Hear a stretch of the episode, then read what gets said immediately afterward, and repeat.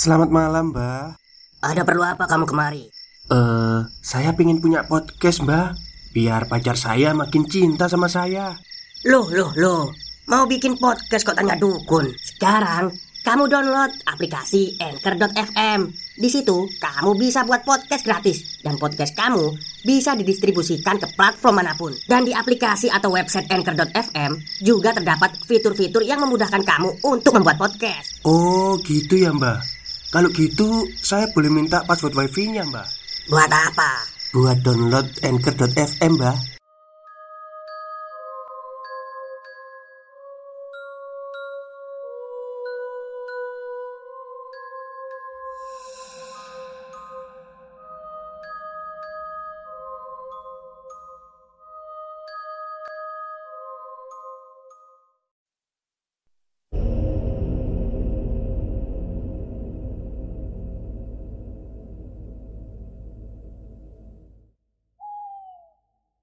Assalamualaikum warahmatullahi wabarakatuh. Halo semuanya, jumpa lagi dengan saya Chow Sing Sing Kurator dari podcast Horror Night Story.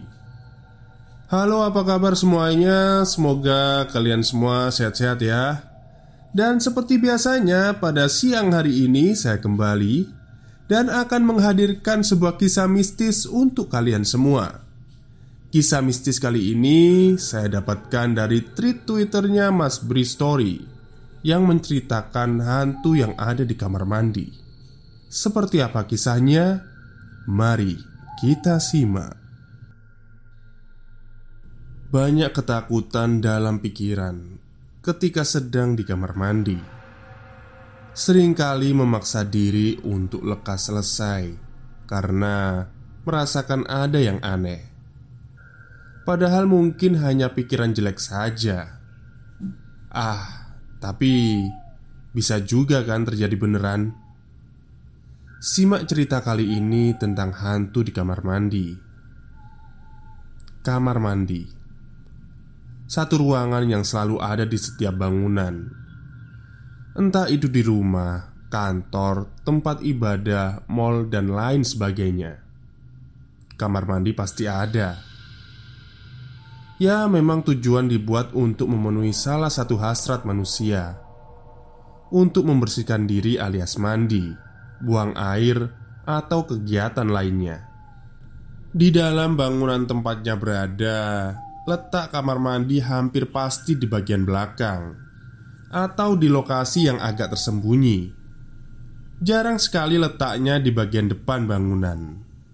Hampir nggak ada kan?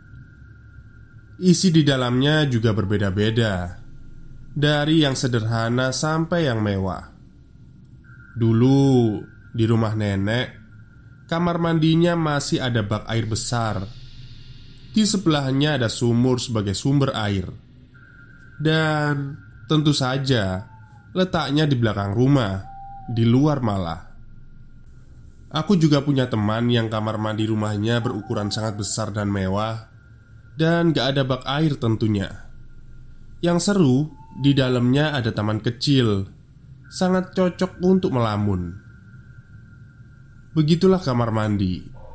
Seiring perkembangan zaman, bentuk, ukuran, dan isi di dalamnya berbeda-beda, serta peruntukannya semakin berkembang. Bisa dibilang semakin modern, tapi namanya saja tetap kamar mandi tapi ya begitu, banyak dari kita, termasuk aku, yang masih punya pikiran kalau kamar mandi itu agak-agak menyeramkan. Jangankan di tempat yang baru kita tempati atau kunjungi, di rumah sendiri yang sudah kita tempati sejak kecil pun masih aja males kalau harus ke kamar mandi tengah malam.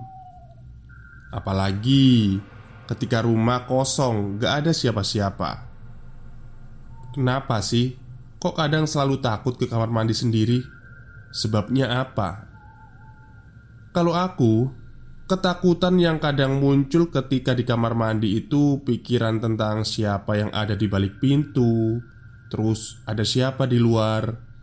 Berpikiran begitu terus ketika sedang sendirian di rumah atau di tempat kos. Pikiran-pikiran itu yang bikin aku parno. Nanti kalau udah selesai, lalu harus keluar. Ketika buka pintu, tiba-tiba ada sosok atau sesuatu yang seram berdiri di depan pintu, gimana? Kan takut. Kalau teman-teman gimana? Pikiran dan ketakutan apa yang dirasa ketika sedang di dalam kamar mandi? Nah, malam ini ada dua teman yang akan menceritakan pengalaman mereka terkait dengan kamar mandi. Risman akan cerita tentang kamar mandi di tempat kosnya, dan Fenty cerita tentang kamar mandi di satu hotel. Mari kita simak. Halo, aku Risman, asal Purwokerto, pernah kuliah di Jogja. Mulai kuliah tahun 2007 hingga akhirnya lulus pada tahun 2011 Dalam rentang waktu itu aku udah tiga kali pindah kos Jadi ada tiga tempat yang jadi tempat tinggal selama kuliah. Kenapa harus pindah kos sampai tiga kali? Ya memang ada alasan tertentu. Semasa kuliah itu kendala ekonomi mengharuskanku untuk tinggal di kos yang sederhana dan murah. Aku nggak mampu kalau mau kos di tempat yang bagus dan mahal. Nggak ada uangnya. Seperti yang banyak teman lain mungkin alami. Tempat kos pertama kali hanya sementara. Nggak pernah lama Karena Kos pertama biasanya yang penting ada tempat buat tidur dulu Atau sementara Sambil nyari yang lebih bagus. Begitu kan? Ya sama Aku juga gitu. Tapi Walaupun kere Aku juga punya keinginan untuk tinggal di kos yang nyaman. Gak gembel-gembel amat lah. Dengan pikiran seperti itu Setelah tersiksa dengan keadaan di tempat pertama Akhirnya aku dapat kos yang lebih mendingan. Tempat kos kedua ini di daerah Kaliurang Kosnya murah dan sederhana Namun bersih dan cukup nyaman. Bentuk rumahnya bertingkat memanjang ke belakang. Isinya ada sekitar 15 kamar Saling berhadapan. Semua kamar hanya terisi meja dan tempat tidur. Kamar mandinya di mana? Ada empat kamar mandi berukuran sedang yang letaknya di paling belakang bangunan. Semuanya masih mengandalkan bak air dan gayung, gak ada shower pancuran. Gambarannya seperti itu kira-kira. Namanya juga kos sederhana dan murah. Jangan harap suasananya cerah, terang, benderang. Kos ini kelihatan sedikit kusam dan temaram di kala malam. Begitu juga dengan kamar mandinya. Seperti yang sudah aku bilang tadi, kamar mandinya agak kecil. Masing-masing berukuran sekitar 3 kali 3 meter dengan bak air di dalamnya. Empat kamar mandi berjajar dari kiri ke kanan. Penerangan di dalam hanya dari lampu 5 watt, sama sekali nggak terang. Kalau kata teman-temanku, yang penting masih kelihatan aman. Begitu, ya sudah.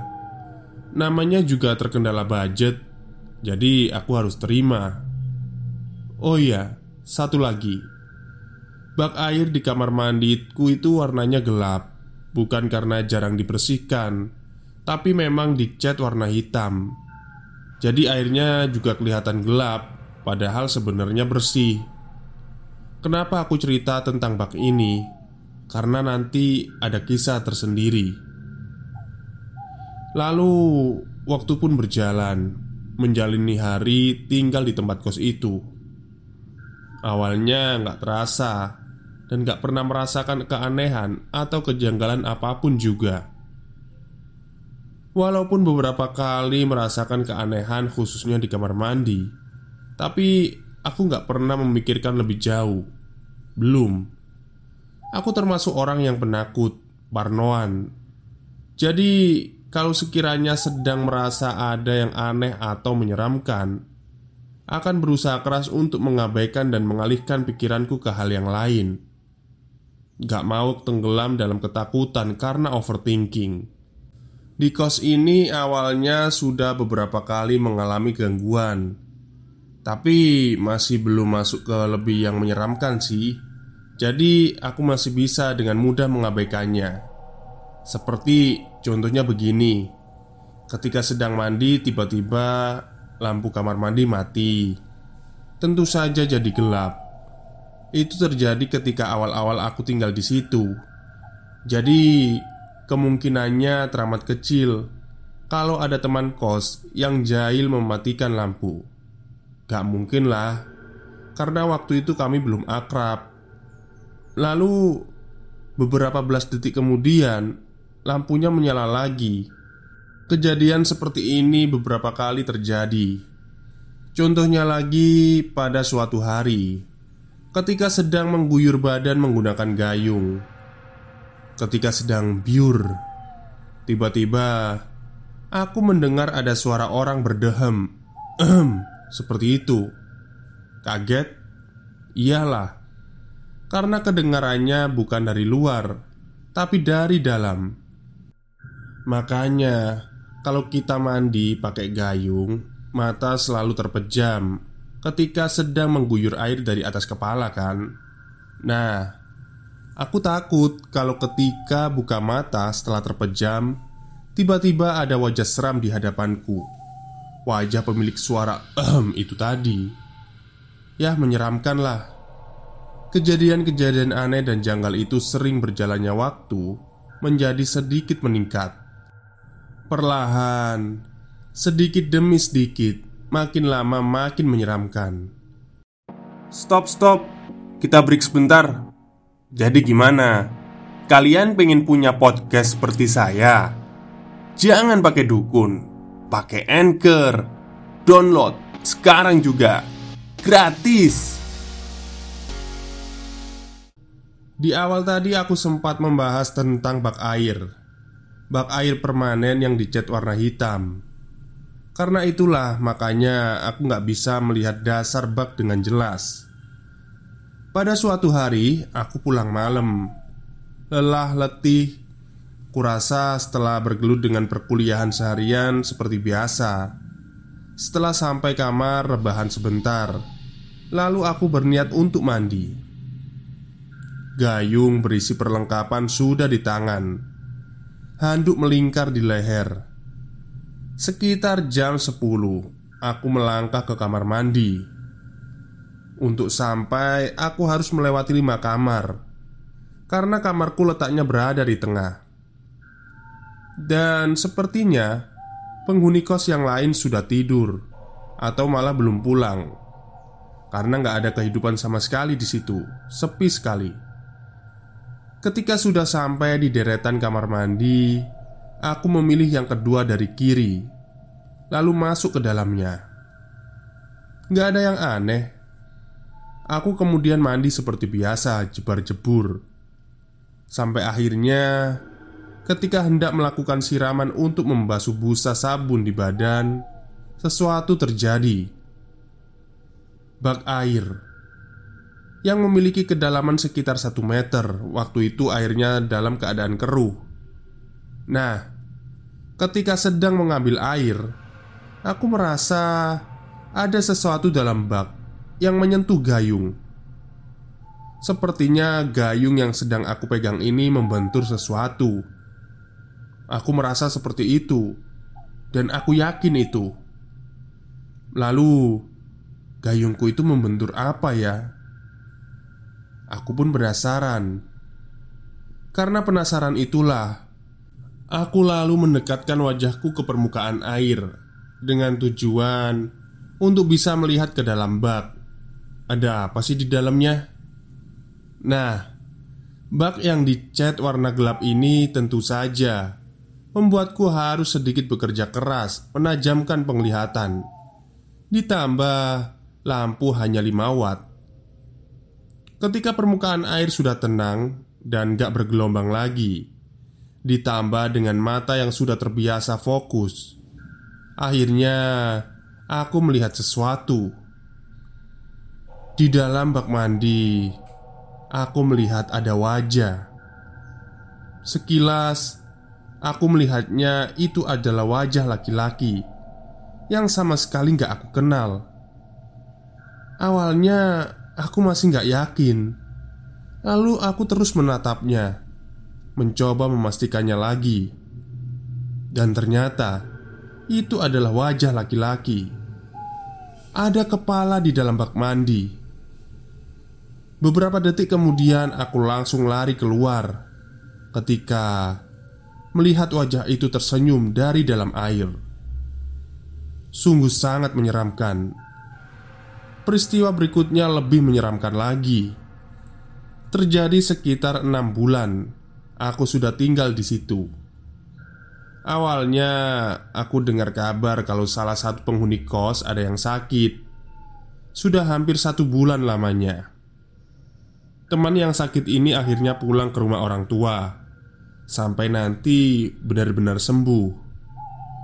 Aku yang gak terlalu akrab dengan teman yang sakit ini mendengar selentingan kabar dari penghuni lain. Ternyata dia shock. Shock kenapa? Katanya sebelum sakit dia melihat pocong di dalam kamar mandi. Pocong itu berdiri di belakang ketika dia sedang buang air. Itu cerita bener man. Ketika terjadi Aku sedang ada di sini. Kamu malah gak ada. Begitu kata Ansar. Tetangga kos sebelah kanan. Kalau memang seperti itu kok ya seram sekali ya. Aku berpikir begitu. Lalu hanya bisa berharap semoga aku nggak pernah ngalamin seperti itu. Tapi Harapan tinggallah harapan. Pada suatu hari Beberapa minggu kemudian Aku pulang larut malam Sekitar jam 11 sampai ke tempat kos Seperti biasa setelah rebahan sebentar, aku langsung ke kamar mandi. Karena sudah larut, waktu itu kos juga sepi. Gak ada kedengaran aktivitas penghuni lain. Awalnya males, tapi kok badan terasa lengket. Akhirnya aku putuskan untuk mandi saja. Ketika sudah di depan kamar mandi, aku memilih yang paling ujung karena yang lain pintunya tertutup, seperti ada isinya. Setelah di dalam, lalu aku mulai mandi. Normal sih, gak ada kejadian aneh. Walau sedikit deg-degan mengingat sudah banyak peristiwa seram yang terjadi. Apalagi ini sudah nyaris tengah malam. Singkatnya, mandi hampir selesai. Hanya tinggal mengeringkan badan dengan handuk. Aku handukkan menghadap pintu. Di pintu kamar mandi menempel cermin bundar, seukuran wajah, cermin yang sering ada di kamar mandi pada umumnya. Aku membasuh seluruh bagian tubuh, termasuk kepala dan wajah, dan ketika sedang mengeringkan kepala ini, sudah pasti aku nggak bisa melihat apa-apa karena pandangan tertutup oleh handuk. Ketika selesai, ketika pandangan akhirnya bisa bebas, nggak lagi terhalang handuk, Aku melihat cermin di hadapan Cermin yang menempel di pintu Terhenyak. Jantungku berhenti berdetak Ketika melihat ada pocong Dari pantulan cermin. Pocong itu berdiri di belakangku Walaupun hanya bisa melihat wajah dan kepalanya saja Tapi tetap saja itu sangat menakutkan Kemudian lagi-lagi aku langsung lari terbirit-birit Keluar kamar mandi Ternyata benar cerita yang beredar selama ini. Ada pocong di kamar mandi. Pada malam itu, aku melihatnya sendiri. Cerita kedua. Hai, aku Fenty, karyawan swasta yang berkantor di Jakarta. Perusahaan tempatku bekerja bergerak di bidang jasa konsultan Klien kami tersebar hampir di seluruh Indonesia. Karena banyak dan tersebarnya klien itulah mengharuskan kami secara berkala mengirim orang untuk mengunjungi klien di luar Jakarta. Salah satu orang itu adalah aku. Ya, jadinya aku sering bertugas keluar kota Singkatnya, seperti yang sudah banyak kita tahu, kalau dinas luar kota pasti akan menginap di hotel selama waktu yang diperlukan. Dengan begitu, sudah berbagai macam model hotel yang pernah aku tempati. Dari hotel biasa saja di kota kecil sampai hotel mewah di kota besar. Semuanya sudah pernah aku huni. Dari yang biasa saja nggak ada serem-seremnya sama sekali Sampai yang sangat menakutkan Menakutkan? Ya, aku pernah mengalami peristiwa seram Yang malah terjadi di hotel mewah Begini ceritanya Surabaya di tahun 2014 Perusahaan mengirim aku sendirian untuk mengunjungi ke kantor klien di kota pahlawan itu Waktu itu perusahaan menempatkan aku di salah satu hotel mewah di bilangan Darmo Raya. Hotel yang bentuk bangunannya modern menyediakan kamar kelas atas dengan berbagai macam fasilitas. Kalau sudah di hotel mewah begini, aku jadi sekalian refreshing dengan menggunakan seluruh fasilitas yang ada. Aku masih ingat waktu itu malam terakhir di Surabaya. Keesokan paginya sudah harus kembali ke Jakarta. Biasanya, kalau sudah di hari terakhir seperti ini, aku meluangkan waktu untuk bersantai, mencari tempat melepas lelah untuk makan dan ngopi di luar hotel. Sama juga dengan malam itu, aku habiskan waktu di salah satu kafe yang letaknya cukup jauh dari hotel. Setelah selesai mid time, Aku kembali ke hotel sekitar jam 8 Gak langsung masuk kamar Tapi terlebih dahulu menggunakan salah satu fasilitas yaitu gym. Lumayan lama Sampai jam 10 aku nge-gym. Setelah itu baru masuk kamar. Di dalam kamar Aku merebahkan tubuh sebentar ke tempat tidur Santai menonton TV Sambil menunggu bed up penuh dengan air. Malam itu aku berniat untuk berendam air hangat Yang sepertinya akan sangat nikmat Setelah lelah beraktivitas seharian. Setelah bed up penuh, aku pun masuk ke dalam kamar mandi. Kamar mandi di kamarku ini besar Ada dua ruangan yang dipisahkan oleh dinding kaca tembus pandang Ruang pertama berisi dua wastafel yang di depannya ada cermin besar, lalu ada kloset juga. Ruang kedua tentu saja berisi bathtub, tempatku berendam. Seperti yang aku bilang tadi, berendam air hangat setelah lelah berkegiatan adalah percikan surga. Nikmatnya tidak tara, tapi ternyata hanya sebentar. Mungkin hanya 15 menit aku menikmati berendam air hangat. Karena berikutnya aku mulai merasa ada keanehan. Ketika sedang berendam sambil memejamkan mata, tiba-tiba aku mendengar sesuatu seperti ada suara perempuan sedang berbisik persis di telinga. Suaranya seperti itu. Tentu saja aku kaget. Suara siapa itu? Ah, mungkin tadi sebentar ketiduran dan bermimpi. Aku masih coba untuk berpikir positif. Lalu, aku menenggelamkan wajah, membasahi kepala dan air hangat. Nah, beberapa detik kemudian, ketika kepala sudah muncul di permukaan, tentu saja aku harus membasuh wajah menyeka air. Saat itulah aku terhenyak kaget ketika penglihatan masih belum sempurna karena masih ada air di wajah.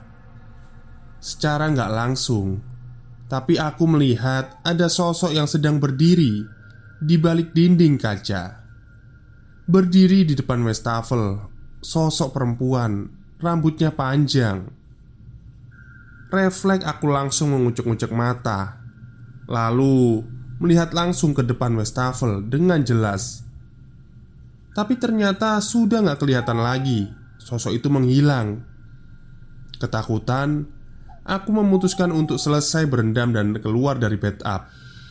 Tapi Ketika masih berdiri di samping bed up Tiba-tiba lampu kamar mandi mati, jadi gelap.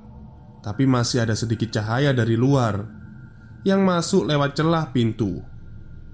Semakin ketakutan, aku lalu cepat-cepat handukan, berniat untuk selesai dan keluar dari kamar mandi. Ternyata nggak semudah itu. Dalam remangnya cahaya, aku merasa sepertinya aku sedang nggak sendirian. Benar saja, Ketika mata sudah terbiasa dalam gelap, aku melihat ada sosok seram perempuan sedang berdiri di pojok sebelah kloset. Dia diam saja, nggak bergerak. Seram sekali. Melihat itu, aku langsung lari mengambil baju sekenanya, lalu pergi keluar kamar. Setelah itu, aku meminta kepada pihak hotel untuk pindah kamar. Sungguh, Pengalaman yang sepertinya nggak akan aku lupakan seumur hidup Hai Balik lagi ke gue beri story. Begitulah dua kisah dari banyak cerita seram tentang hantu di kamar mandi. Sekian untuk kali ini. Sampai jumpa di minggu depan. Tetap jaga kesehatan supaya bisa terus merinding bareng. Salam Bri. Oke, itulah kisah seram dari tweet yang ditulis oleh Mas Pria Tentang pengalaman dua temannya saat menggunakan kamar mandi Ya saya sering sih kalau sampoan itu Kalau mata pas merem itu merasa ada sesuatu di depan saya Tapi ternyata nggak ada siapa-siapa Oke mungkin itu saja cerita pada siang hari ini Kurang lebihnya saya mohon maaf. Wassalamualaikum warahmatullahi wabarakatuh.